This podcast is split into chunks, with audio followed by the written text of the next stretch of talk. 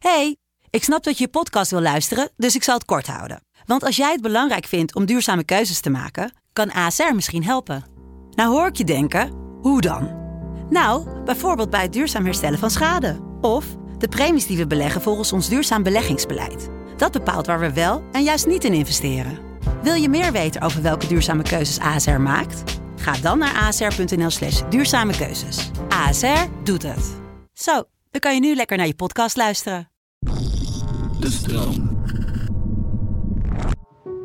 Soms is het goed om de feiten heel even te heroverwegen.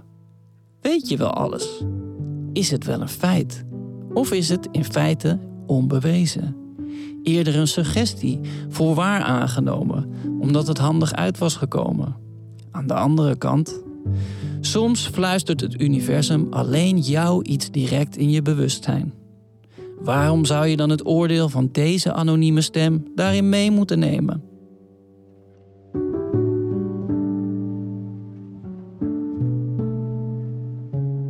Je luisterde naar professionele tips voor een comfortabel leven. Ik hoop dat je wat aan deze tip hebt gehad.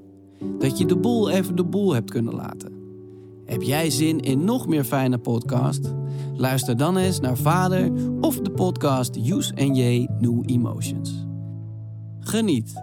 Liefs, Pepijn.